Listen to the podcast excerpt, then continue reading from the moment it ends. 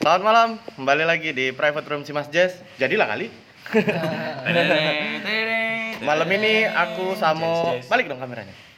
Sama Ah. Camilo, ada Azari, ada Kiai. Farid. Ada Kiai Farid yang sedang makan pisang. bertepatan dengan Hari Kesaktian Pancasila 1 Juni 2020. Eh, malam ini pembahasan kita sesuai dengan buku yang dipegang ilmu politik, the politic books dan ya seputar politik lah. Jadi hari ini yang lagi anget di Palembang ini isu tentang kemunculan PKI, Isu. isu Isu PKI melalui stiker-stiker yang ditemukan, Ditemukan. beredar dan ditemukan di di mana? Di salah satu toko. Di salah satu di toko. salah satu mall di Palembang. di salah satu mall. Oke. Jadi menurut kalian nih yang lagi live bisa disampaikan langsung kira-kira eh, kita sebagai pemuda Indonesia gimana nyikapinya tentang isu-isu yang beredar ini. Silakan dimulai. Dari Camilo dulu boleh. Boleh. Silakan. Mbak Kamilo. Mas. Ya menurut saya dengan Assalamualaikum dulu. Assalamualaikum dulu Milo. Assalamualaikum warahmatullahi wabarakatuh. Kaca itu wawancara online. Iya iya iya. iya. Assalamualaikum warahmatullahi wabarakatuh. Nah, Oke Saya- jawab. Saya sebagai pemuda melihat menyikapi adanya stiker-stiker. PKI di salah satu toko di depan mall dan ada is- adanya isu-isu kebangkitan PKI kita sebagai pemuda kita harus bergerak, bergerak sekarang Nah, karena pada saat zaman dulu waktu PKI masih ada di Indonesia yang memberantas PKI juga seorang juga pemuda oke. Gitu aja. Gitu Oke, aja. pemuda terima kasih. Enggak, maksudnya tindakan nyatanya gitu loh, Mil. Apa kau datangi tokonya, kau koyak-koyak itu, kau Enggak itu kalau kita datengin tokonya itu enggak terlalu bermanfaat ya kalau menurut aku ya kayak yang berlebih bermanfaat tapi dia dia yang punya loh. Dia punya stiker itu loh. nggak mungkin dia nggak tahu artinya atau kalau kita musnahin yang satu toko nih bisa ada di toko-toko lain juga yang Ah. tersembunyi kan Mungkin kalau pegawainya tidak tahu, tapi kalau ownernya cak mana? aku rasa yang lebih benar sih yang lebih tepat langkahnya tuh kita harus menanamkan nilai-nilai Pancasila tuh ke pemuda ke para pemuda zaman sekarang karena Pancasila nih kalau aku lihat udah agak luntur di mindset-mindset pemuda kita nih terlalu ikutin budaya orang sampai lupa dengan budaya kita sendiri Cakep. jadi Oke. ini pelajaran Pancasila tuh menurut aku sangat penting Oke, cakep. Jadi, Yes. monggo gimana menurut Mas Ari tanpa lasso? Wah. Jadi kita balik lagi ya ke isu yang tiba-tiba muncul setelah lebaran ini. Heeh. Biskuit Kongguan. Biskuit lebaran. Isunya dong. Kita nggak di endorse ya, tapi memang di sini ada biskuit Ya, kongguangnya. jadi ini Dan jadi- asli nggak isi rengginang. Jadi ini jadi tatakan untuk handphonenya. Oke. Sok atuh, Mas Ari tanpa lasso. Ya, jadi isu ini tiba-tiba muncul di kota Palembang. Muncul eh, tiba-tiba kok PKI yang dibahas gitu kan. Padahal Tiba-tiba PKI yang muncul. Iya, tiba-tiba PKI yang muncul. Padahal yang saya lihat adalah eh, kayak sekedar stiker gitu kan, stiker yang dijual eh, sama salah satu toko di sebuah mall. Dan saya rasa sih eh, memang kalau karyawannya sendiri eh, mungkin bukan eh, suatu unsur kesengajaan gitu kan. Cuma kalaupun mungkin dari eh, Yakin tapi itu nggak sengaja atau itu memang sengaja tapi dibuat seolah-olah nggak sengaja. Kalau Kayak saya lihat aku sih nanya itu ya. Iya, jangan marah-marah, Pak. Kayak banana lagi nih. Terus terus terus. iya, jadi kayak itu sebenarnya kayak kalau kalau dari kacamata saya ya Hmm.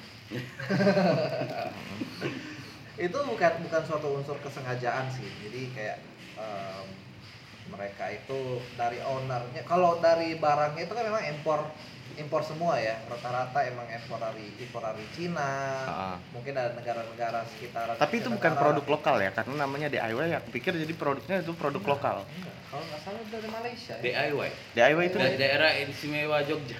ya aku juga mikirnya gitu, tapi enggak ya. Jadi jualnya di situ ya. Hah? Kemarin ketemunya di situ ya. ketemunya di situ nah Oke. jadi eh, mungkin orang juga kayak nggak sengaja jadi kalaupun kalian tahu atau pernah lihat video yang tersebar viral jadi itu kayak eh, gambar tengkorak gambar Mhm. tengkorak di atasnya ada bintang terus di atas bintangnya lagi ada logo Palu Arit gitu memang kalau logo Palu Arit ini sangat dikorelasikan dengan eh, Komunis. komunis gitu kan tapi nggak bisa dibilang juga kalau ini merupakan kebangkitan dari PKI itu sendiri kayak gitu Hmm. tadi nggak maksudnya Kenapa nggak dibilang gitu? Bukannya itu mereka awalnya itu tes kedalaman dulu tuh. Coba dulu nih mulai dari stiker, ntar lama-lama banner, ntar apa gitu. kalau ya kalau banner bahaya pak Ya makanya dari dari dari stiker yang seolah-olah nggak sengaja jadinya dikhawatirkan kan itu jadi mulainya nih bibit. Eh, kalau kalau kalau itu sih apa ya kayak efeknya sudah menjadi terlalu apa ya berlebihan sih respon kita ini kayak kalau kita runut lagi Heeh. ke beberapa puluh tahun Hmm. G30 SPKI pembantaian itu oke lalu kita sudah tumpas habis Hmm. eh, anggota-anggota PKI saya rasa sih em, jadinya apa ya kayak ya seharusnya udah udah nggak ada lagi gitu Berarti kan. seharusnya udah nggak ada. untuk untuk sebuah lembaga untuk sebuah partai itu udah nggak ada lagi Tapi kalau sebagian kecil buat paham yang masih mempercayai paham tersebut, Ka- kalau untuk dipelajari gitu Hmm. kan karena kita ini kan ini namanya ilmu kan Hmm. namanya komunis ini kan sebuah ilmu gitu. Il- ilmu atau paham?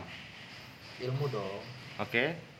ya ilmu jadi segala segala ilmu itu kan bisa kita ambil kita serap gitu kan Tapi Eh, yakin ada setelah dibantai itu tidak ada, tidak ada diturunkan dan memang seolah-olah tidak ada, tapi cuma nggak blow up aja sekarang. gimana gimana Ya, ya, yang yang paham itu masih ada di beberapa keturunannya. Memang yang zaman dulunya sudah di sudah dimusnahkan, tapi kan sekarang mungkin masih ada sisa-sisa yang pernah diturunkan, diajarkan sama anak cucunya. Bukannya itu masih nak itu?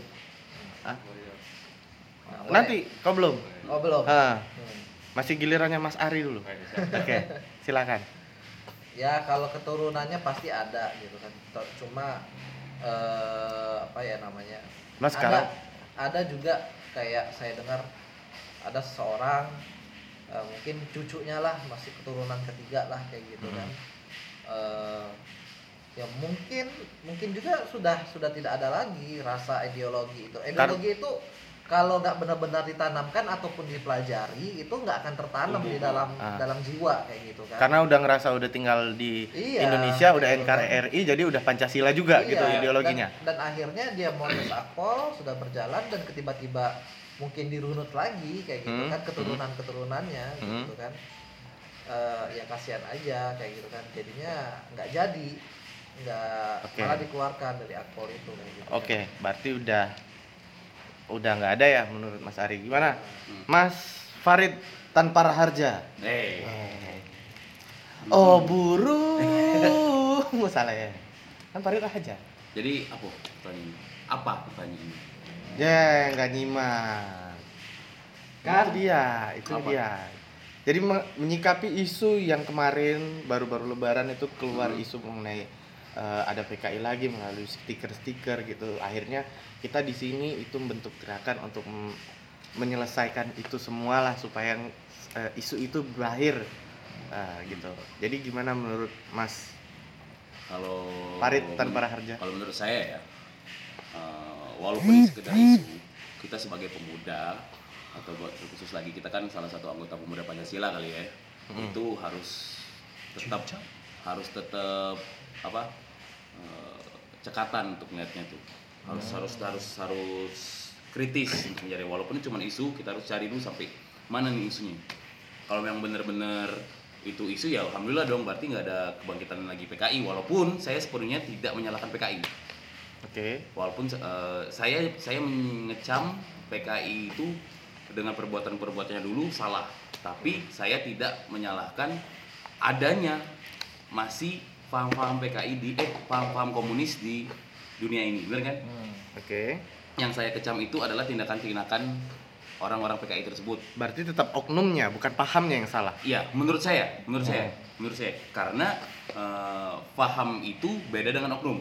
Yang jelas ada paham dari, dari PKI yang salah. Mm-mm. Ada salah- yang kata orang itu eh, paham PKI itu menya- nye- menyamakan seluruh menyer- menyamaratakan seluruh bagi seluruh rakyatnya. Menurut saya itu buat bagus. Oke. Tapi ada juga salah sa- sa- paham yang saya tidak yang sangat saya tentang. Apa tuh? Contohnya katanya itu menghilangkannya agama, Oke. ada juga mungkin kalau dari sejarah-sejarah Indonesia jelas dia menghilangkan Pancasila, dia juga membantai. Artinya paham orang. itu beberapa poinnya bagus. ada beberapa yang kita bisa ambil, yang baiknya saja, walaupun banyak yang kita tahu banyak yang lebih jelek. Yang sekali lagi saya mengecam tindakan-tindakan orang Berarti kom- PKI di Indonesia, oke. orang-orang PKI maksudnya. Oke. Milo tadi yang mau disampaikan lanjutkan. Ya kalau aku sih kak ya, kalau yang pertanyaan kakak Hmm. tadi Hmm. nanggepin yang Hmm. kakak nanya sama Kak Ari, Hmm. kalau keturunan keturunan PKI itu tuh masih ada ya, Hmm. keturunannya. Pasti, pasti. Anak cucunya tuh masih ada. Hmm. Cuma waktu tuh aku ada nonton video sih beberapa. Mereka Hmm. tuh diwawancara gitu kan. Hmm. eh pan- finalnya di Indonesia nih apa? Mereka jamnya udah Pancasila. Nah, Oke. itu intinya. Artinya mereka pun biarpun dulunya Kakek itu kakek buyutnya itu PKI. berpaham komunis, hari ini mereka karena sudah di Indonesia sudah Pancasila. Pancasila. Ya terus kasihan juga sih tapi lihat anak-anak cucunya kan. Ibaratnya mereka tuh kan nggak ngelakuin apa pun ya. Hmm, hmm. Tapi mereka seperti terasing gitu di negeri mereka sendiri. Walaupun mereka ingin sudah berpaham Pancasila, nggak ada berideologi dengan PKI lagi. Cuma orang-orang tuh mindsetnya ke buyut-buyut mereka gitu, ke kakek mereka gitu kan. Tapi mereka nggak nggak ini kan, nggak maksudnya oh ini buyut aku ber- berpaham ini, aku harus berpaham ini juga gitu. Enggak, enggak, enggak. Kalau aku lihat di video-video ya dulu ya, Ah. seluruh anak PKI itu ada semua kan. Hmm, hmm. Terus mereka ditanya oleh eh, pewawancaranya sama kayak kakak, jadi paham apa yang kalian anut sekarang? Ya mereka jamnya Pancasila, nggak ada Hmm. lagi paham-paham komunis gitu. Soalnya Pancasila itu udah final gitu. Oke, berarti kita di sini semua setuju ya kalau kita berpahamnya Pancasila dan kalian Oh, setuju jelas. dengan apa yang ada di lima poin Pancasila itu. Jelas, jelas. Oke. Eh, dari Pancasila Hmm. eh, berikutnya kita ke bentuk pemerintahan nih di Indonesia menurut kalian yang kita anut ini sekarang bentuk pemerintahannya yang kayak gimana sih? Mulai dari Farid dulu deh. Ya jelas lah, apa, republikan ya, Hmm. republik ya, Hmm. Oke. Eh, republik. Mm-mm. Eh, paham republik, maksudnya itu gimana? Enggak, enggak bentuk pemerintahannya. Bentuk pemerintahannya yang sekarang ini menurut menurut kau itu kita ini menganut ke mana? Apakah menganut ke kapitalis, Oh, kapitalis. menganut ke republik atau monarki atau apa gitu? Dan sudah cocokkah diterapkan di Indonesia? Kalau menurut saya pribadi, Hmm. Indonesia ini sebenarnya masih eh, menganut semuanya.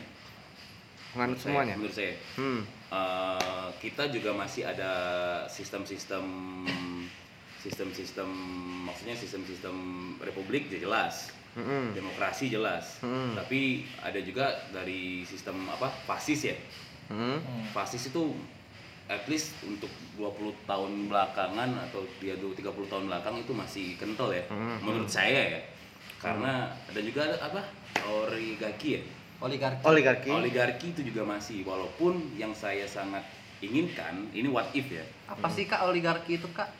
Oligarki adalah sistem Oke, terusin dulu.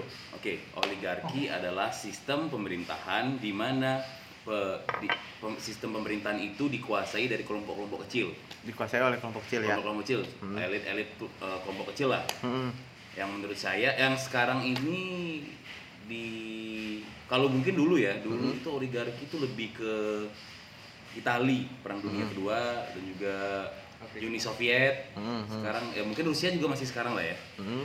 Eh, terkesan cuman kelompok-kelompok kecil yang menguasai pemerintahan tersebut Oke. Tapi yang diterapkan di Indonesia ini sekarang sudah cocokkah untuk Indonesianya sendiri atau eh, Indonesia ini harus balik ke otokrasi lagi nih gitu. Gua punya satu satu pimpinan aja deh gitu. nggak usah ganti-ganti, anak cucunya terus dia terus gitu deh.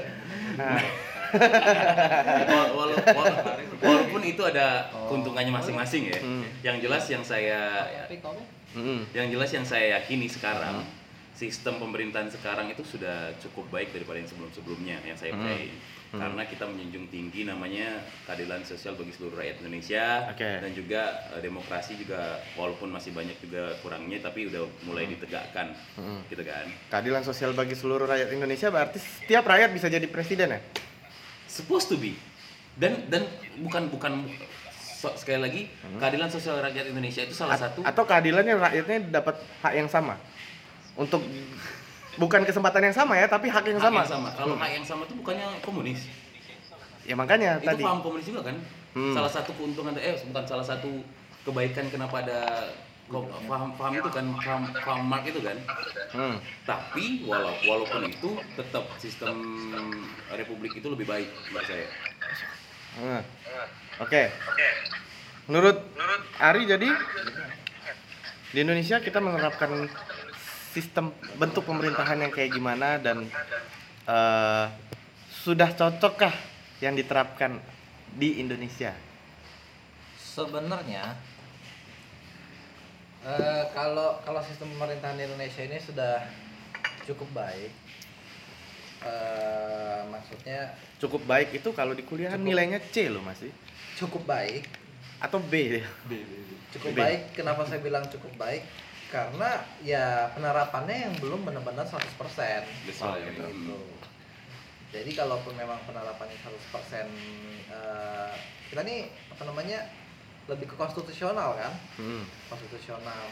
Kita tahu dengan terias politika adanya eh, eksekutif, legislatif dan yudikatif Hmm, gitu. hmm. Saya setuju gitu kan. Hmm. Karena sebagai negara demokratis ya memang harus eh, apa namanya tiga itu harus berjalan beriringan gitu kan. Hmm. Nah, sekarang kadang-kadang hukum ini ya tahulah sendiri gitu kan dari legislatif kita nggak bisa memungkiri mungkin ada apa namanya eh, instruksi-instruksi dari pihak lain kayak gitu kan ada intervensi dari Ya, pihak-pihak tertentu maksudnya pihak-pihak tertentu gitu kan Hmm. yang mungkin kita nggak bisa dari dari elit eksekutifnya kah atau dari seperti bisa oligarki bisa Ah. dari eksekutifnya kayak gitu karena kepentingan-kepentingan itu tadi kayak gitu Hmm. kan atau ada orang-orang tertentu di luar eksekutif dan di luar legislatif yang punya kekuasaan untuk mengintervensi swasta Nah, gitu kalau- kan. hmm. kalau saya saya nggak bisa berbicara di tingkat eh, kota pun kabupaten ya gitu kan tapi kalau eh, dari kacamata saya balik lagi Hmm. eh, kalau di tingkat nasional atau DPR RI nampaknya itu juga Selalu ada yang kayak gitu. Nah, Hmm. dan juga kalaupun kita sering ngikutin eh, di Amerika di legislatifnya itu banyak bang kalau kita kampanye di sana enak. Ah, Hmm. kenapa enak? Karena sponsor ya? banyak sponsor, Sponsor. dari swasta. Swasta. Kalau di sana. Kalau kita itu mau kampanye di sini ya udah dana pribadi nggak tahu dari mana usaha apa kayak gitu kan. Oh ya kalau Iya. di sana tuh disponsorin. Kenapa disponsorin? Karena karena, ada kepentingan itu tadi. Jelas kepentingan kapitalis, apa? nah. misalkan kayak misalkan tentang perkebunan gitu kan pajak segala macem. Hmm. itu mereka pengen kayak gue gue invest ke lo tolong aspirasi gue tolong Amin. di iniin Amin. gitu Iya kan kan, dia- di, diamini. iya kan diamini Hmm. gitu aspirasi dalam bentuk aspirasi ya permudah dalam- perizinan permudah pendirian Eh, mungkin kalau jangka panjang itu lebih ke undang-undangnya sih undang-undangnya ya artinya Iya. undang-undangnya menguntungkan sebagian pihak hmm. oke secara nggak langsung eh, itu merugikan negara atau enggak apa ya kalau merugikan negara kayaknya juga di Amerika juga oke-oke aja sih dengan dengan kayak gitu kan. Karena balik lagi sih kalau di sana menguntungkan pihak legislatif di sana juga sih jadinya. Jadi mereka bukan apa ya ya benar-benar sebenarnya me- meng- menyerap aspirasi cuma mungkin aspirasinya ya dari orang itu kayak gitu kan. Oke. bukan bukan bukan rakyat kecil aja kayak gitu kan Oke, karena di, yang yang besar itu pun dihitung sebagai rakyat ya. nah dan dan juga ada juga mungkin itu salah satunya ya salah satu contoh itu di di Amerika dan Hmm. ada juga contoh lain yang emang eh, dalam masa kampanye itu eh, benar-benar urunan urunan masyarakat kayak kayak crowdfunding contoh Hmm, hmm, kontes Iya, iya benar kontes. Oh, si ya? Cortez yang dia dapil eh, pelaju eh yang dapil dapil Brooklyn kalau nggak salah dia eh, Aha. apa namanya eh, state New York kalau nggak salah dia benar-benar urunan kalau Oh, gitu. kalian nonton Netflix Cek eh, OAC dia tuh apa sih pokoknya Cortez deh namanya lupa cewek Mhm, dia mhm. dia benar-benar urunan dia mengharapkan sumbangan dari masyarakat satu dolar pun sangat berarti bagi dia untuk kampanye itu Oke, Camilo, cukup vokal ya. Hmm. Camilo. Ya kak. Ini ndak ndak minyak dia dari tadi. Aku kan udah Ah. pertanyaan kakak kan yang tadi kan udah hampir dijawab semua oleh kak. Ya, enggak apa-apa dijawab lagi diulang enggak apa-apa kok Milo. Tadi gimana kak pertanyaannya? Hmm? Gimana pertanyaannya? Pertanyaannya aku juga sebenarnya lupa Milo. Oh, udah usah nanya lagi pertanyaannya. Sistem pemerintahan ini. Tidak, sistem pemerintahan di Indonesia ini yang kita anut sekarang apa dan sudah cocokkah diterapkan di Indonesia? Kalaupun belum, menurut kau eh ini aku nak yang main ini ya kalau aku pribadi sih satu aja pemimpin yang gak usah ganti-ganti. Ya kalau aku pribadi kalau sistem pemerintahan di Indonesia nih kalau untuk sistemnya kak ya itu Hmm. udah bagus udah cocok. Kalau Hmm. untuk sistemnya. Hmm. Tapi dalam penerapannya tuh belum emang. sama dong Hmm. Hmm. Kalau sistemnya tuh udah bagus. Kita demokrasi ini demokrasi Indonesia ini salah satu yang paling bagus sudah. Hmm. Makanya banyak orang luar tuh mempelajari demokrasi itu di Indonesia. Hmm. Kuliah apa segala macam kan. Oh, apa itu tunjuk tangan Farid? Orang ngomong. Oh ya silakan. oh Nah. Aku nak bertanya sekarang kembali kepada hostnya ya. Hah? Sekarang nih kita Aku yang ditanya dong. kita kita coba what if aja kali ya. Hmm. What if Indonesia itu buat beda sistem sistem sistem pemerintahnya itu berubah. Hmm. Apa yang menurut kalian atau kita berempat ini sistem pemerintahan yang paling baik? Bentuk pemerintahan. Bentuk pemerintahan, pemerintahan yang baik yang baik. Satu pimpinan. Menurut Fahri itu satu kepemimpinan. Hmm. Kenapa? Ya karena menurut aku eh, kita tidak bisa memuasin orang banyak. Hmm. dan lagi terlalu banyak yang ya terlalu banyak yang ini yang yang mau jadi pemimpin justru malah nanti yang tidak kesampaian menimbulkan raja-raja kecil dan menurut aku itu malah lebih bahaya daripada kita punya satu raja yang dia memang ngatur dan dia punya kekuasaan penuh untuk negara ini. siap sudah empire Ini juga Sunda Empire dong. Rangga? Jadi menurut aku ya eh, yang baik ya sampai hari ini aku lebih setuju dengan sistem kerajaan. Jadi memang Monarki. Dipimpin, oleh satu orang raja yang memang dia kebijakan semua dia yang keluarin dan kita memang patuhnya sama dia. Terlepas dari urusan dia mau memperkaya diri sendiri, tapi setidaknya di negaranya damai. Ketimbang kita terlalu banyak yang ide-ide, aspirasi semua ide liar gila bertabrakan, jadinya kita bingung sendiri mana yang benar. Oke. Sedangkan orang nggak punya kecer nggak nggak nggak semua orang punya keilmuan dan kecerdasan tentang hal-hal untuk bisa nangkep mana yang benar mana yang salah. Oke. Akhirnya jadinya semuanya benar dan akhirnya semuanya jadi seolah-olah pakar. Oke. Oh, masuk akal. Masuk akal. Oke. Kalau Milo lagi tadi mau ngomong Ya kalau aku paling bagus ya menurut aku kak ya. Paling bagus tuh udah demokratis. Kenapa? Demokratis kayak sekarang nih sih. hmm. Soalnya kalau aku menurut aku setiap orang tuh punya pemikiran tuh yang berbeda-beda. Kak. Hmm. Di pemikiran berbeda kalau eh, kalau Kak Fahri bilang tadi ada raja-raja kecil segala Hmm. macam. Justru itu malah lebih bahaya loh Milo. Kenapa? Banyak raja-raja kecilnya. Yang akhirnya semua orang jadi mau ngatur. pergesekan. Semuanya mau memerintah. Raja yang kecil pun bisa bertabrakan dengan raja yang di atasnya. Ya tapi dia kan untuk jadi raja di atas kan melalui proses kak. Setidaknya semua orang itu merasa kalau dia ada peran gitu. Hmm. Dia kan ada melalui prosesnya kalau untuk menjadi raja yang besar. Hmm. Iyalah prosesnya misalnya kalau dia ingin menjadi mewakilkan suara rakyat, dia ikut dengan pileg gitu kan. Hmm. Kalau dia ingin menjadi presiden, dia mencalonkan diri menjadi pilpres gitu. Itu kan semuanya ada prosesnya gitu sih. Apa ruginya kalau kita jadi punya satu pimpinan tok? Kita nggak bisa bersuara Kak, kalau kita punya satu pimpinan tok. Kau yakin nggak bisa bersuara? Kenyataannya Inggris jalan. Soalnya pemikiran soalnya pemikiran mereka Brexit tuh masih itu ya nggak soalnya pemikiran kalau monarki itu eh, cuma di beberapa orang aja. Iyalah yang paling tinggi kayaknya raja misalnya kan, Hmm. perdana menteri. Tapi kalau di demokratis ini kan suara rakyat ini kan semuanya bisa diaspirasikan ke DPR gitu kan. Hmm. bisa diaspirasikan ke wakil rakyat yang di mana wakil rakyat tuh memanggil eksekutif untuk duduk bersama untuk membahas Hmm. Membahas bersama gitu kan Hmm. ya aku rasa sih kalau demokratis ini lebih, udah bagus sih soalnya dari yang bawah tuh emang bisa terdengar sampai ke atas atas Bukannya demokratis yang kelebihan bisa jadi anarkis? demokratis itulah itulah beda apa tuh itulah susahnya Dan kita nih harus paham demokrasi tuh nggak bisa setengah-setengah sih sebenarnya Oke. Saya mau nanya. Silakan Azari. Nah, jadi kalau Pak Fahri ini kan eh, Aku jadi yang ditanya ini. Oh, benar loh. Oke, Jadi terus? Pak Fahri tadi ngomong kan, Mhm. kalau setuju lebih ke negara monarki lah. Sampai hari ini ya? Sampai hari ini Sampai ya. hari ini ya? Tapi monarki itu ada dua pak. Hmm. Monarki absolut sama konstitusional. Nah sekarang prefernya yang mana? Absolut. absolut jadi tidak ada PM Nggak ada. Nah, kayak Thailand The one and only. Hmm. Patuh sama dia. oh, berarti eh, tapi sekarang kita balik lagi nih. Kalau kita ngomongin monarki, eh, kira-kira apa sejarahnya kita bisa memilih? Bisa kira kita tiba-tiba nih kita berubah, syat, berubah jadi monarki nih gitu kan? Hmm. Mau siapa yang mau apa namanya jadi sultan kah? Mau jadi raja kah atau mau jadi ratunya itu mau siapa kayak gitu?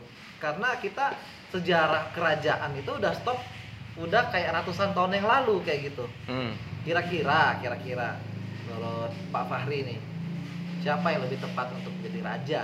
Untuk awal lah, untuk starter pack-nya lah kayak gitu. Yang Karena tepat. misalkan kayak kita ngomongin raja Thailand, si Bumibol kayak gitu kan. Hmm. Jadi si Bumibol itu emang keturunannya dari dari zaman dulu, emang nggak berubah. Emang dari zaman dulu itu memang kerajaan kayak gitu kan. Terus sampai sekarang hari ini juga anak cucunya gitu jadi emang udah ada historinya Ada gitu historinya. kan ada historinya Hmm, gitu hmm. kan nah sekarang kalau Indonesia emang pengen berubah gitu kan Hmm. jadi negara monarki eh, mau siapa gitu kan ataupun mungkin kalau kita mau menjadi monarki parlementer eh, ya kalau emang mau bergeser sih saya lebih tepatnya eh, monarki konstitusional tadi parlementer Hmm. tadi gitu Tapi kan. tetap Jadi ada rajanya berarti. jadi untuk untuk eh, untuk awal-awal biar nggak kaget lah kayak gitu kan biar Mhm. kaget kita tetap eh, menganut trias politika tadi kayak gitu tapi Berarti kita ada sistem kerajaan Berarti gitu. berikutnya kerajaan. Ah. Eh, berarti eh, pelan-pelan sistem demokrasinya akan berubah. Ya memang benar. Iya. Memang benar. Kalau dari sejarahnya kita Indonesia nggak ada nggak ada nggak ada sejarah kita da- dari satu kerajaan terus jadi negara Hmm. kayak Inggris Hmm. atau kayak eh, Romawi gitu kan. Memang nggak ada karena kita juga di Indonesia ada banyak kerajaan awalnya. Hmm. Tapi sampai hari ini menurut aku yang paling baik eh, bentuk pemerintahan ya monarki one dan absolut. show Hmm. Nah, kalaupun dari demokrat demokrasi pada akhirnya bergeser ke sana, Hmm. ya kan?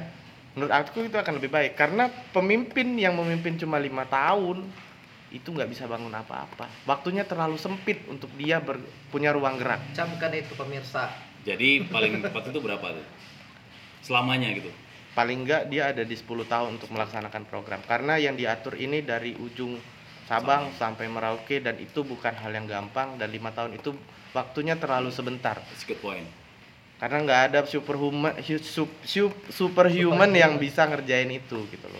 Pada akhirnya dengan begitu ganti pemimpin lagi ganti kebijakan lagi akhirnya nggak selesai selesai nanti. Oke tanggapan tanggapan. Hmm. tanggapan? Camkan. silakan Farid. Aku kami lulus ya, Kamilo kalau- lagi? Oh ya, Kamilo lagi boleh. Mau tanggapin Kak Fahri ya dengan Hmm. kalau 10 tahun tuh misalnya apa bedanya Kak kalau kalau kita pemilihan presiden presiden kan satu kali pemimpin kan lima tahun. Mm, artinya dia kan ada punya dua kesempatan. Mm, kayak presiden kita sebelumnya itu kan 10 tahun. Hmm. dan presidennya sekarang kan juga mempunyai masa 10 tahun. Mm.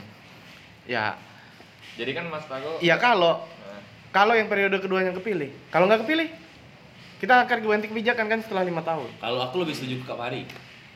Enggak, tapi kalau monarki itu kan itu kan manu raja itu kan manusia ibarat. Hmm. Oke dari tarikan sejarahnya kita memang agak sulit berubah jadi monarki. Tapi sampai hari ini kan aku bilang bentuk pemerintahannya. Oh, iya. Untuk pemerintahan yang paling baik itu. Kalaupun Indonesia mau bergeser ke sana nggak bisa langsung. Bener kata Azari pelan-pelan. Tapi dari sekarang ya gimana kita ngubah sistem demokrasinya pelan-pelan jadi ke arah sana kalau memang itu yang terbaik gitu. Tapi secara teoritis semuanya baik. Tinggal implementasinya. Aku pengen nanggapi. Aku. Kalau menurut saya kalau monarki itu terlalu strict, malah terkesan malah terkesan fasis, Hmm. malah terkesan otoriter. Hmm. Kalau pahamnya kayak eh, zaman-zaman Megawati jadi presiden itu apa, apa tuh? Paham itu? apa Dua. demokrasi lah udah Masih tetap demokrasi. Yang yang milih MPR. Yang DPR. oh demokrasi terpimpin? Ah. Nah, demokrasi terpimpin aku lebih setuju daripada itu. Kalau kata si Tamilo tadi kan, eh, kenapa demokrasi? Karena setiap masyarakatnya itu mempunyai peran untuk memilih pemimpinnya. Ya. Hmm. Di situ poinnya kurang setuju. Hmm. Aku malah lebih cenderung eh, kenapa ada orang-orang yang ahli yang memilih. Oke. Contoh gini, eh, tarik-tarikan yang kita cerita kemarin, Hmm. eh, demokrasi ini buatkan dari filsuf si Aristoteles kalau salah, kalau nggak salah, correct me if I'm wrong. Jadi si Aristoteles itu eh, menciptakan paham demokrasi ini loh, sistem demokrasi ini kan, Hmm. di mana itu yang Plato, Hmm. filsuf juga di zamannya sama, if I'm not mistaken, dia itu bertentangan dengan paham itu. Hmm. dan pahamnya eh, pahamnya Rasul Nabi Muhammad itu bukan sistem demokrasi yang digunakan malah sistem kayak tadi pemilihan istima kan. Istima itu eh, kalau Plato bilang gini kenapa dia nggak setuju sama demokrasi? Hmm. kenapa dia setuju sama de- nggak setuju sama demokrasi anggap seluruh ini ada masyarakatnya ada ribuan Hmm. Hmm. Ari dia jual eh, dia dokter gigi Hmm. saya sebagai eh, jual permen Hmm. jual permen penjual permen Hmm. kalau saya kampanye Hmm. kalau saya, saya kampanye Hmm. saya jual kampanye saya ini permen manis kalian makan Hmm. enak kalau Ari kalian datang ke sini aku baikin gigi kalian Hmm. Walaupun sakit tapi gigi kalian bagus. Hmm. siapa yang paling banyak dipilih? Oke. aku tukang permen. Yang jual janji manis lah. yang jual janji manis kan? Yang ja- yang, yang jual janji Ah, manis kan? oke. nah yang paham itu yang menurut aku eh, menurut saya eh, Plato get it. Karena semua orang pasti akan memilih yang penjual permen. Hmm. semua orang pasti penjual permen. Hmm. Ka- kenapa enggak? Ini saya do- eh, penjual permen. Ini dokter gigi ini dokter hewan ini dokter THT Hmm. satu lagi dokter umum. Tapi semuanya kumpul kumpul ngobrol. Ini siapa yang terbaik di antara mereka? Artinya kelemahan demokrasi itu kurangnya kompetensi masyarakat untuk memilih mana pimpinan yang layak. bener menurut saya Karena mereka nggak ngerti. karena kebanyakan mereka dan mayoritas Mereka ngertinya ngerti. dijanjiin Tapi manis aja selesai adil. gitu. Hmm. Tapi menurut aku ya kalau gitu kan nggak adil kalau yang cuma expert yang bisa memilih pemimpin. Kenapa nggak adil? dari kenapa nggak adil Gini, daripada daripada yang daripada banyak eh, penjual-penjual permen yang menang yang yang menjadi pemimpin Hmm. Nggak, soalnya kan kalau cuma soalnya kalau cuma yang expert yang milih, Hmm. Kalau cuma yang expert yang milih kan manusia tuh kan punya kedudukan yang sama ibaratnya. Hmm. Kedudukan sama tapi nggak punya kompetensi yang sama loh. iya dong otaknya Iya beda dong Kompetensinya kan yang beda. Hmm. Tetapi hak mereka tuh kan sama. Di setiap di mata Tuhan pun A- tuh ada sama. ada dua dua calon pimpinan, Hmm. ya kan? Aku nih sebagai masyarakat, Hmm. aku nih nggak tahu nih latar belakang si pemimpin, Hmm. latar belakang pendidikannya. Sekalipun aku tahu, dia latar pendidikan latar belakang pendidikannya memang sudah dari mudanya dia ada di politik, tapi aku sendiri nggak ngerti politik. Ya nggak masalah. Jadi aku tidak punya tolak ukur dan tidak bisa ngukur pemimpin itu layak atau tidak. Memang punya kesempatan yang sama tapi nggak punya kompetensi yang sama. Ya kalau itu sih sebenarnya nggak masalah itu tergantung individu setiap orang sih misalnya kayak aku kan aku nggak Hmm. ada expert di bidang apa apa seenggaknya aku kan tahu mau belajar kan latar belakang pemimpin aku tuh gimana Hmm. jadi aku bisa mutusin untuk milih mereka apa enggak kan gitu kalau Hmm. ada dua pemimpin Kau yakin cari pemimpin itu dan cari latar belakangnya bukan dari isu yang beredar di berita? Nah, dua-duanya tetap dua-duanya cuma kalau isu itu kan masih harus kita cermatin otomatis kita kan nyari yang benar apa enggaknya juga Ka- Hmm. kalau menurut mungkin Milo orangnya bisa segitu, tapi Tapi kita- nggak semua masyarakat semua bisa masyarakat gitu. itu. Contohnya, Iya, benar. contoh, Nah. contoh, sorry itu sih. Tahun 2009 Pak SBY itu dipilih banyak karena dia ganteng. Bener kan? Bener Bener. kan? Nggak, Eh, This is. Iya, iya. this is, this is, this is telling, this is telling the truth, man. Walaupun memang saya tidak menyalahkan kalau Pak SBY itu memang orang jadi lovers. yang yang cukup yang cukup baik menurut saya cukup uh, salah satu pemimpin yang baik tapi masa iya pemilih pemimpin-pemimpin contohnya dari legislatif itu dipilih karena mayoritas orang karena ganteng lah karena Berarti teman saya karena ganteng ya? Probably. bukan, bukan karena ganteng lah karena kelihatan baik lah kenapa nggak Oke. selalu ahli- ahli-ahli saja yang menentukan siapa pemimpinnya seperti yang dilakukan tadi Plato dan Rasul kita ahli itu kan juga sama aja ya sama kayak kita bisa dibayar juga ya Nggak bisa. nggak bisa nggak ahli bisa. nggak bisa. Kau bisa jadi ahli itu karena jam terbang, karena pendidikan, karena latar belakang. Nah, Tapi nggak bisa kau walaupun dibayar. Kita seahli apa pun, kalau kita misalkan mau dibayar misalnya kan oleh dua calon tadi kan, salah satu calon ngebayar kita misalnya Hmm. berapa miliar. Enggak, yang naik jadi calon itu si ahlinya tadi. Ada 10 ahli. Hmm. Dari 10 itu dicari lagi dua yang bakal yang naik. terbaik Yang milih Hmm. mereka inilah. Karena mereka tahu siapa yang terbaik. Tapi tetap nggak ada sih kalau menurut aku untuk masyarakat kelas bawah. ya, Kalau mencari keadilan tapi dipermainkan buat rusak apa? gimana itu pilihan masyarakat ya. Walaupun dia memilih pilihan yang salah gitu, memilih pemimpin yang salah, Hmm. itu salah mereka karena mereka nggak ingin mencari tahu, mereka buta. Itu pilihan mereka sendiri. Iya. Artinya gugur kewajiban. gugur kewajiban dong Iya. Gugur kewajiban sebagai masyarakat di negara demokratis. Tapi balik lagi sih maksudnya kayak kalau kita melakukan pendekatan secara islami kayak gitu kan ya untuk memilih sebuah khalifah atau pemimpin sebuah negara atau pemerintahan itu kan kayak eh, orang ya istimewa itu tadi gitu Iya. kan Hmm. Dari ulama-ulama dikumpulkan gitu kan. Ya kalau kita apa namanya kita samain dengan kondisi yang sekarang sama aja ulama itu ya ahli gitu kan. Iya, hmm. apakah itu ahli pemerintahan ekonomi, dan Ekonomi. bla bla bla kayak gitu kan. Dan saya juga sih eh, setuju sih ke arah situ. Cuma yang mungkin yang diragukan oleh Camilo adalah apakah Pergeseran HAM ya? eh, bukan bukan Iya, HAM. Keadilan. apa namanya apakah eh, apakah benar-benar kompeten dan da- dapat dipertanggungjawabkan orang si ahli itu Iya. kayak gitu kan Hmm. kadang kadang pun ulama juga bisa jadi bayaran juga kayak Walaupun gitu kan disumpah. Eh, walaupun disumpah gitu Oke, kalau itu kan balik lagi ke oknum. Ah, ya Ah, bar- eh, berikutnya dari sistem perekonomian yang jalan di Indonesia, ah, nah anjay sistem perekonomian alright yang berjalan di Indonesia. oke kita ganti topik sih guys Kita di Indonesia ini lebih nganut ke Cina atau Amerika? Dan mana yang kalian setuju? Ini pendapat masing-masing ya. Ya. pendapat masing-masing Sekarang yang sekarang ini menurut kalian arahnya ke mana? Dan kalian setujunya yang mana?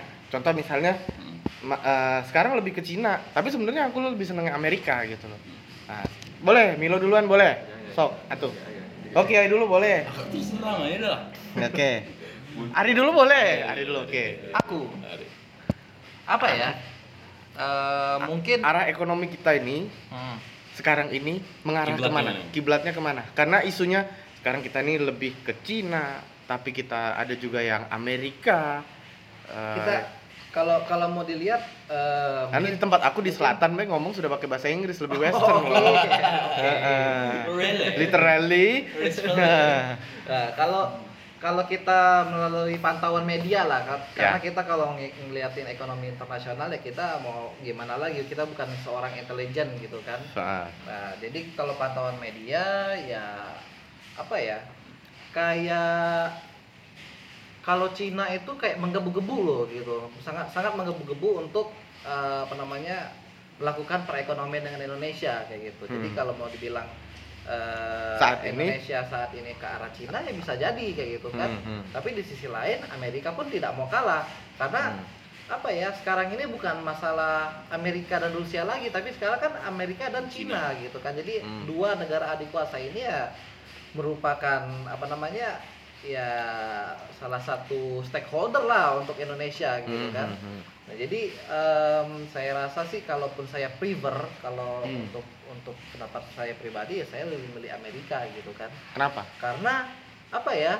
Kalau Cina saya nggak bisa berbisnis sama orang Cina gitu. Saya nggak bisa. Hmm. Saya tidak punya kepemahaman dengan bahasa Cina dan lain-lain gitu. Hmm. Dan selama ini kayak eh, saya bukan rasis atau apa ya, tapi selama ini kayak terlalu banyak pro dan kontra kita melakukan hubungan bilateral ekonomi dengan Cina kayak gitu Heeh. kayak dikit-dikit kayak Cina inilah inilah inilah balik lagi nanti ada isu komunisnya gitu kan Hmm. jadi kayak apa ya kayak kurang jadi jadi kisruh aja gitu kan baik Banyakan isunya Iya, daripada jadi- plusnya jadi- ya. ah, jadi Padahal sebenarnya dengan Cina pun sama baiknya dengan Amerika. sebenarnya Kalau nggak ada isu seperti itu. gitu Ah. kan sebenarnya seperti itu gitu kan tapi kayak kalau eh, dengan Cina ini kayak selalu diiming-iming kayak ah ini mereka akan menggempur nanti akan Mereka akan menguasai ideologi- Indonesia. akan dimasukin ideologi Mereka akan kembali menjajah. lagi dan Oke. Hmm. inilah yang terjadi Oke. di Palembang ini hari ini kayak gitu kan Oke. tiba-tiba ada eh, stiker yang kayak logo komunis bla bla bla kayak gitu kayak Ya pembahasan kita di awal tadi iya ya. itu kan bahasa kita Hmm. bisa balik lagi kan itu Hmm, bisa hmm. dikorelasiin gitu Oke. kan jadi kisruh lagi kayak gitu Oke. kan makanya kayak kalau mau bilang netral ya mending kita berbisnis dengan Amerika ataupun Eropa lah kayak gitu kan Karena nggak ada isu-isu yang kayak kayak gitu karena ya. nggak akan ada isu-isu yang seperti Kapitalis itu gitu dong. kan. Hmm. Tapi Ya. isu kapitalis nggak pernah diangkat loh. Iya, isu kapitalis. Dan secara nggak langsung kita pun jadi kapitalis sebenarnya. Heeh. Oke, Ya, Oke. tapi kan kalau kalau kalau isu kapitalis itu ya sebenarnya tergantung dari kita sendiri sih. Kita kita comfort ke mana kayak gitu kan. Kalau kalau kapitalis emang kita ngerasa comfort ya so what kayak gitu kan. Heeh. Sekarang kalau kita ngikutin ekonomi Cina, kalaupun memang itu buat kita comfort, ya so what juga gitu kan. Hmm. Tapi kan kalau saya pribadi eh, dengan adanya kita hubungan terlalu banyak dengan Cina ya juga nggak comfort kayak gitu kan. Terlalu banyak Hmm. isu-isu yang akan terjadi kayak gitu kan. Terlalu banyak konflik gitu. Jadi kita ada ketakutan eh, Iya. dengan Cina gitu kan. Di Natuna kita diserang jadi kayak jiper-jiper kayak gitu kan kita nggak berani ini karena takut kayak wah Cina gini gini gini Tapi gini, setuju nggak kalau. Indonesia sebenarnya bisa mandiri tanpa dua negara adik kuasa? setuju Setuju. setuju Hmm. Dengan segala potensi sumber daya alam, Setuju sumber lah. daya manusia dan Setuju. semua potensi-potensi lainnya, No doubt. sebenarnya kita bisa mandiri setuju atau enggak? no doubt saya sangat setuju Indonesia bisa apa ya mandiri, Oke, Kiai Farid, Ah, silakan. setuju. Arah ekonomi Arah kita ekonomi. sekarang lagi ke arah Cina kah Hmm. atau ke arah Amerika kah? Dan mana yang lebih setuju? Lebih setuju ke Cina atau lebih setuju ke Amerika? Yang jelas kalau dipilih memang lebih prefer Indonesia itu mandiri. Hmm. Walaupun menurut saya sekarang it's too late.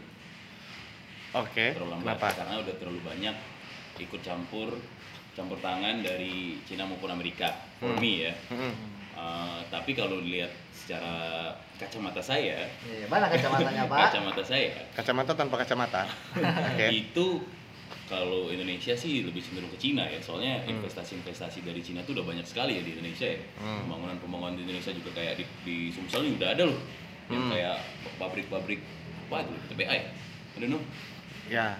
pokoknya Ya, ya, pabrik-pabrik ya. udah banyak dari Cina dan Ah. itu saya melihat secara langsung memang banyak pekerja-pekerja walaupun itu saya nggak tahu ada isu dan lain itu saya nggak peduli juga bukan nggak Ah. peduli tapi nggak mikir ke situ Hmm. yang jelas saya meyakini kalau Indonesia itu lebih berkiblat ke Cina sekarang. Sekarang. Walaupun ada kecenderungan katanya mau Balik lagi ke balik Amerika. lagi ke Amerika. Dulu sempat ke Amerika berarti kita. Obviously. Obviously, makanya daerah saya tetap bah- berbahasa Inggris. Ah, ah, ah, Oke. ah, ah. Berarti lebih setuju ke Amerika. Kami lo? Aku lebih setuju di lebih setuju Afghanistan. di China sih. Lebih setuju China. Kenapa lebih setuju China? kenapa Kenapa di China? Tapi menurut Azari banyak isunya kalau kita join sama Cina. Sebenarnya tidak ada yang lebih pengen ke mana sih. Soalnya kalau Cina sama aja kita rugi Hmm. overall. Soalnya kita kan kayak dikendaliin. Hmm. Amerika juga sama. Hmm. Soalnya kalau Amerika, aku lebih takut kenapa kenapa lebih takut ke Amerika? Hmm. ada tercenderung ini sekali lagi kan cuman apa pemikiran-pemikiran atau juga kemungkinan-kemungkinan Hmm. kata orang itu masih abu-abu ya. Hmm. Kalau Amerika tuh lebih kejam kalau mau ngancurin satu pemerintahan kalau nggak berpihak sama dia.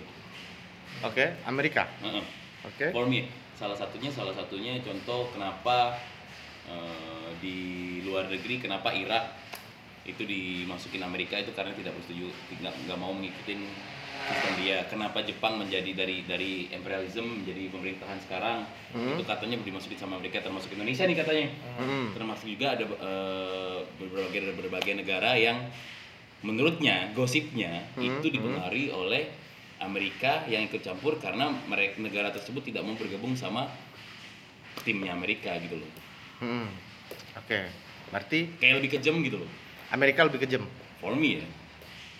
Yakin Amerika lebih kejam? tapi nggak apa namanya kayak nggak kayak sama kejamnya loh kayak gitu Mm. sekarang ini eh, udah bisa kita kasih contoh ada nggak usah bukan nggak usah sih saya lupa nama negaranya tapi salah satu negara di Afrika yang bener-bener dibangun infrastrukturnya dan sekarang itu ya udah tinggal tinggal tinggal nama aja dan tinggal ganti aja Cina cabang Afrika kayak gitu Heeh. Oke. negara apa kayak gitu pokoknya infrastruktur udah dibangun tol bandara Hmm, eh, hmm. pelabuhan dan akhirnya kayak ya mereka trade free kayak gitu kan jadinya tanpa pajak segala macem dan akhirnya mendominasi di Afrika dan akhirnya ya itu itu tadi jadi menurut saya sih ya sama kejamnya gitu kan nah tapi di balik Tapi sudah di- terbukti Afrika itu adalah anak cabang dari China. bisa jadi ada satu Nah itu makanya kita lebih baik ke arah Amerika biarpun katanya lebih kejam tapi dia nggak jadikan kita anak cabang. nah Ah. gitu Oke. dan karena karena gini loh maksudnya kayak selama ini Amerika selalu mendominasi udah berapa puluh tahun Amerika selalu mendominasi sebagai negara adik kuasa gitu Hmm, tapi hmm. apa ya selama ini juga nggak ada negara yang benar-benar dicaplok sama Amerika yang ya udah kayak Amerika cabang Asia Amerika cabangnya Hmm. nggak ada kayak gitu sedangkan lebih ke lifestyle dong. apa Lebih ke lifestyle gitu. Tapi lebih eh, Berkiblat ke dia. pengaruhnya bukan- pengaruh ekonominya sih bukan Iya. ke lifestyle-nya gitu jadi kayak bener-bener ya udah bergantung aja gitu kan punya utang bertahun-tahun puluhan tahun dengan Cina gitu kan. Hmm. ya udah nggak bisa ngapa-ngapain. Ujung-ujungnya kalau kita nggak bisa bayar utang ke Cina ya akhirnya dibeli sama Cina di negara kita. Bukan bukan ini lagi sih ya istilahnya aku punya utang sama kau gitu kan. Aku udah baca bayar utang ya akhirnya kau ambil lah aset aku. Hmm. gitu aja kan Oke, berarti sebenarnya sama siapa pun dua-duanya punya kepentingan ya sama Indonesia. Iyalah. Iya, nah maksud Oke. aku kalaupun aku milih antara Cina dan Amerika, isu-isunya Isu mendingan ke lebih ke Amerika gitu, nggak ada isu-isu yang gimana lah gitu kan, yang buat ricuh, buat perang sivil di sini lah istilahnya kayak Hmm. gitu kan. Hmm, hmm, hmm. Daripada kalau di Amerika kita istilahnya eh, taruhlah kita dulu eh, Amerika dan Soviet gitu kan Hmm. Hmm.